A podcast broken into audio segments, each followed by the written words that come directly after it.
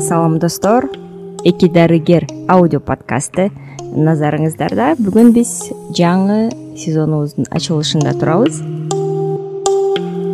бул сезондо сиздер менен рука в руке деген коомдун башкача айтканда колго кол деген коом менен сүйлөшкөндү чечтик. Бул коом негизинен аутизм менен ооруган балдар өзгөчө балдар менен алек болушат экен.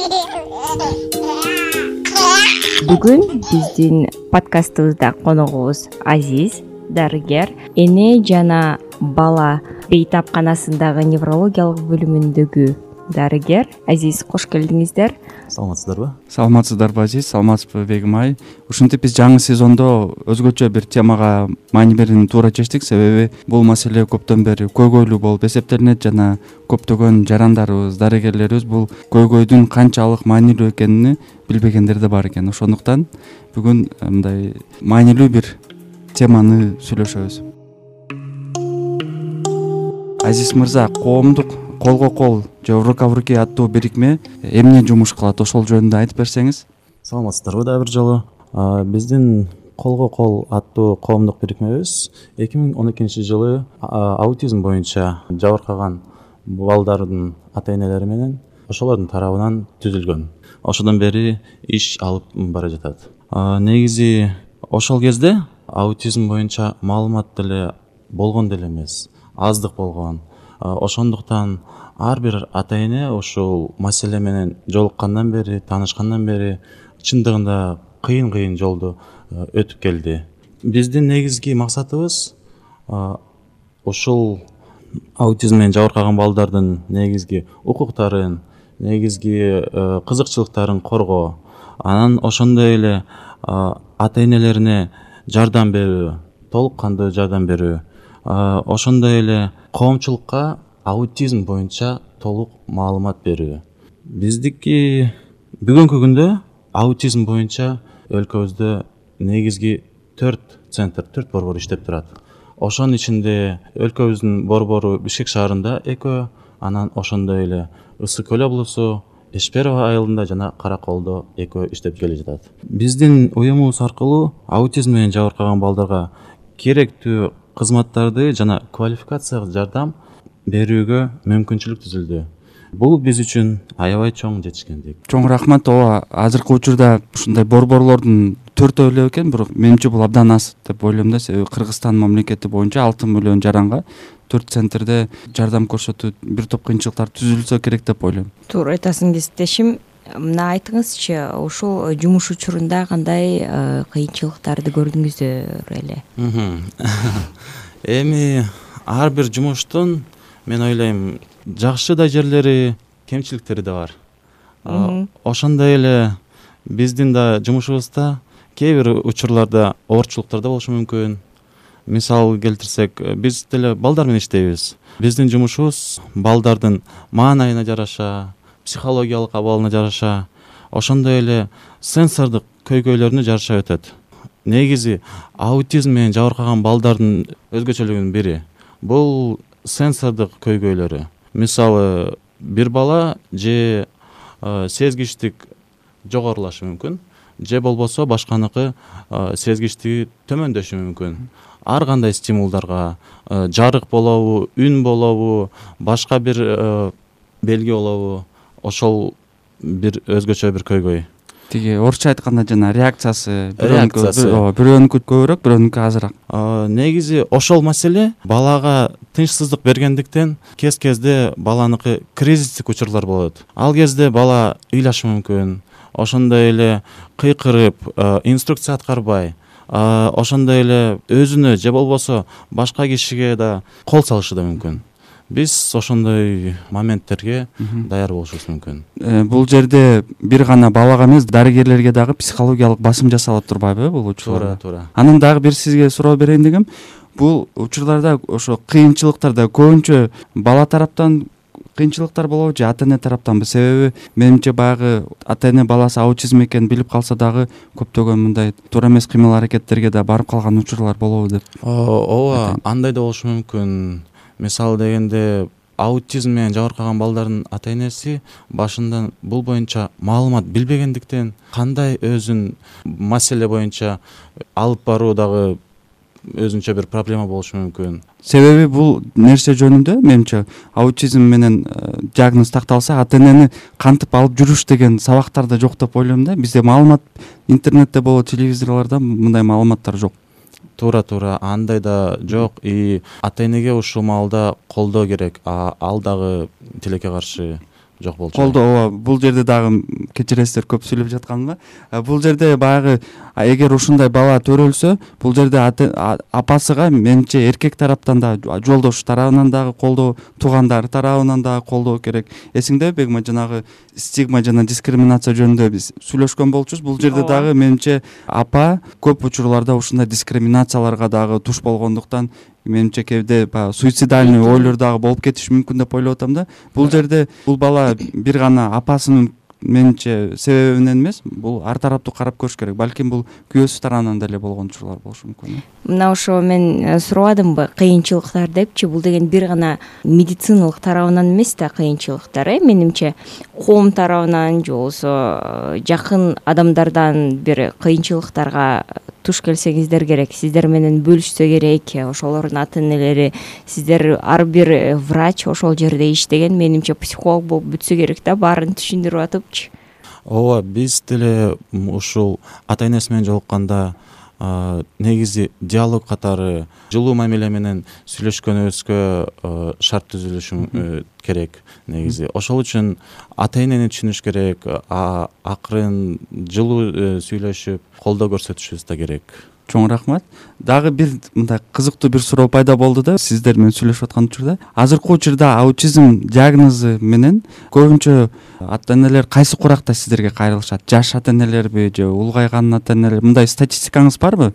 Жыйырма жашпы жыйырма бешпи же отуз кырк беш кайсыл жаштарда бул боюнча негизи возрасттык э, категория деле бөлүнүшү болбойт деле го деп ойлойм. Анткени дегенде бизге деле консультацияга өзүм неврология үч жашка чейин иштейм.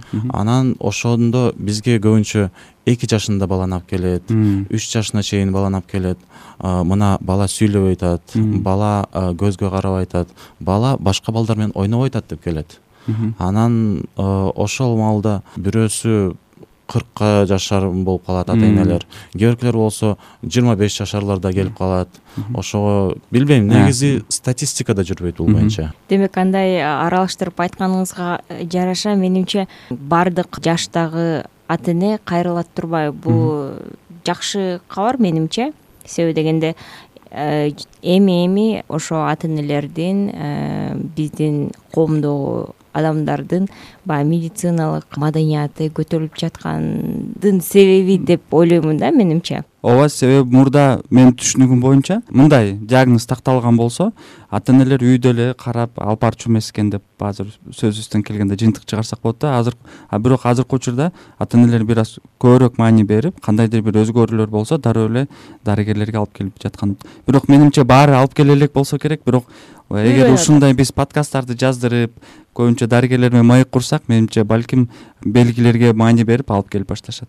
Тагыраак айтканда бир күндүк жумушуңуз кандай өтөт? Ошол жөнүндө айтып бергиңизчи жеке өзүмдүн күндүн тартибинде айтсам мен эртеден эне жана бала коргоо улуттук борборунда иш алып барып келе жатам. Түштөн кийин болсо өзүм ушул колго кол коомдук бирикмеде да иш алып барып жүрөм. Адистигим неврология биздин бирикмеде болсо сенсордук интеграция биз э, ушул сенсордук интеграция бул чоңдогон э, проблемаларды алат. Мисалы дегенде бул вестибулярдык аппарат менен проблемалар ошондой эле майда жана ири моторика ошондой эле сезгичтиктин көйгөйлөрү балдар менен байланыш түзүү ошондон тышкары. Ошо бир күндүк жумуш убактыңыз дегенде мисалы үчүн жумушка келесиз баягы бейтаптарды обход кылабыз ошол тууралуу дагы айтып берсеңиз себеби менимче биздин угармандарга абдан кызык болот да? Негизи жумушум эртең менен сегизде башталат. Анан биздики беш мүнөттүк пятиминутка болот. Заведующий менен отделениянын врачтары менен. Ошол э, пятиминуткада күнүмдүк мындай айтканда түн кандай өттү? Ошол боюнча посттогу дежурстводогу медсестра ошол боюнча айтып берет. Кайсы бала кандай түн өткөздү мисалы дегенде бул палатаныкы температурасы мындай болду. Тынч өттү түн ошо. А башканыкы болсо же температурасы көтөрүлдү же болбосо дагы башка проблемалар болушу мүмкүн.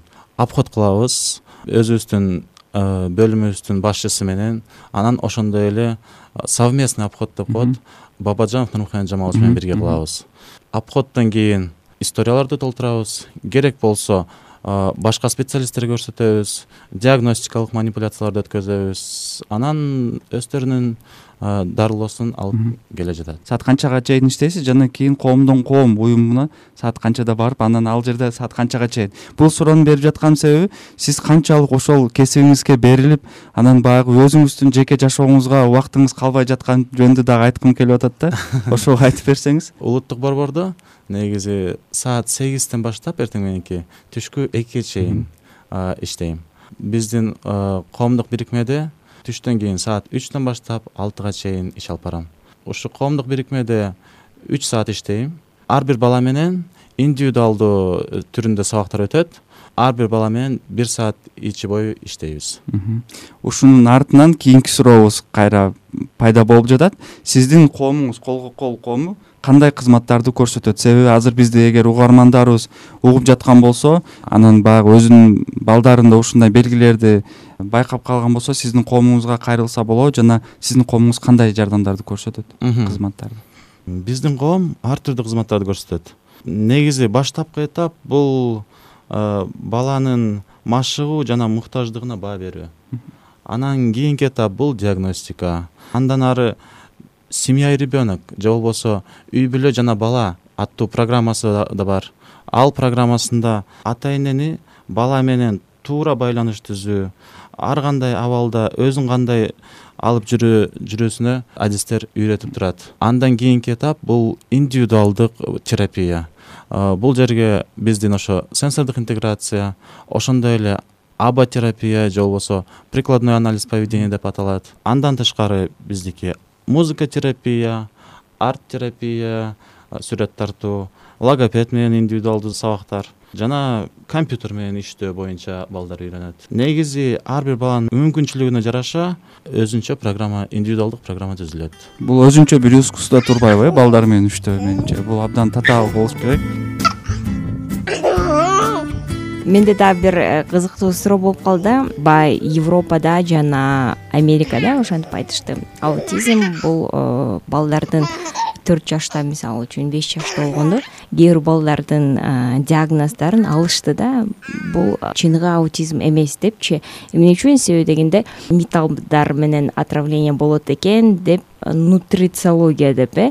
Ошол тамак аштан деп анан кийин ошентип карап изилдеп чыгышты. Азыркы заманда азыркы күндөрү белгилүү бир болуп атат го мындай басым коюп атышат да. А бизде ошол жөнүндө бир окуулар же болбосо сиздер дагы басым кылган э, моменттериңиз болобу дейм да? Сиздер ошого кандай карайсыздар? Нутрициология илимине деп жатасызбы? Азыр кандай сиздер кандай карап атасыздар деп? Нутрициология негизи бул боюнча маалыматым чындыгында аз. Толук деле айтып бере албайм го. Бирок чындыгында кичинекей балдардын ушу аутизм менен деле бул проблемалары бар э, именно ашказан системасы менен бирок маалыматым тилекке каршы аз. Макул чоң рахмат. Анан кийинки бир суроом бар эле. Сиздердин баягы инстаграм баракчаңыздарга кирип канчалык көп пайдалуу маалыматтар бар экенине мен көрүп э, абдан кубандым.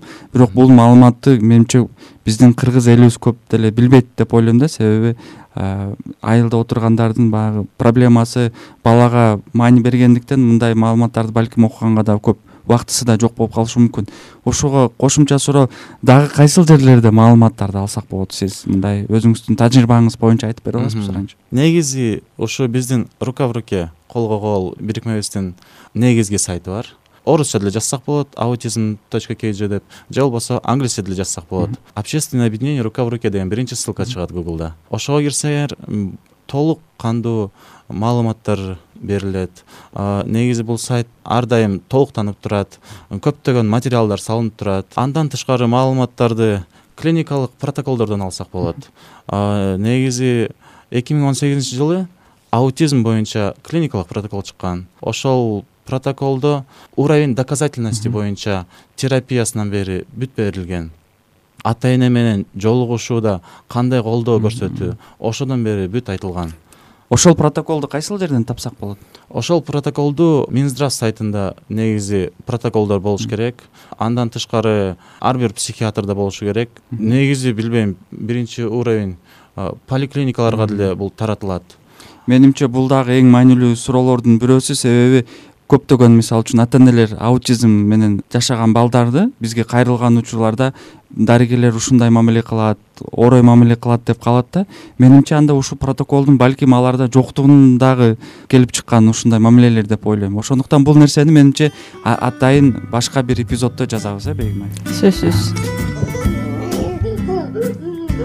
андан тышкары аутизм маселеси менен ушундай иштеп келе турган ар кандай центрлар бар ошонун ичинде аутсага караштуу институт поведенческого здоровья. Анан ошо жана башкалар. Азыр сиздин айткандарыңыз боюнча бул көбүнчө жеке коомдор экен да мындай мамлекеттик ушундай организациялар барбы же жокпу?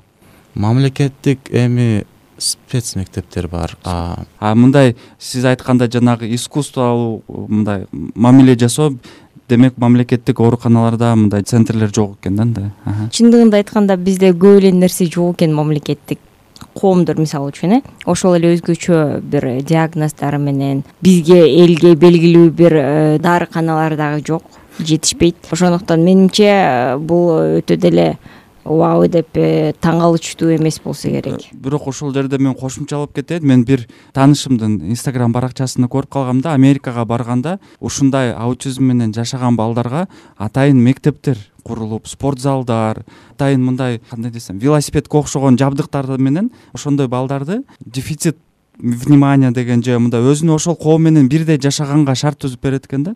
А биздин коомдо болсо андай шарт жок. Биз эгер ушундай аутизм десе эле ии деп эле баягы толук депрессияга түшүп анан кээде менимче суицидальный дагы бир кыймыл аракеттерге да барышы мүмкүн экен. Бул менимче чоң көйгөй чоң тема дагы сүйлөшөбүз деген ойдомун. Себеби бул нерсенин үстүнөн иштебесе менимче келечекте бул чоң мындай маселелер көйгөйлөргө дагы алып келиши мүмкүн да туура айтасыз себеби дегенде мен нутрициология деп дагы айтып калдым го. Буну биринчи жолу ошо америкадагы дарыгерлер ошол жөнүндө сүйлөп анан кийин ошол жөнүндө коомго угузган да азыр чындыгында маалымат өтө аз ошол жөнүндөгү мекемелер дагы аз анан кийин жалгыз эле ошо америкада бар экен ошол жерде окутуп үйрөтүп анан адистерди чыгарганчы анан ошого кызыгып сизден сурагам да.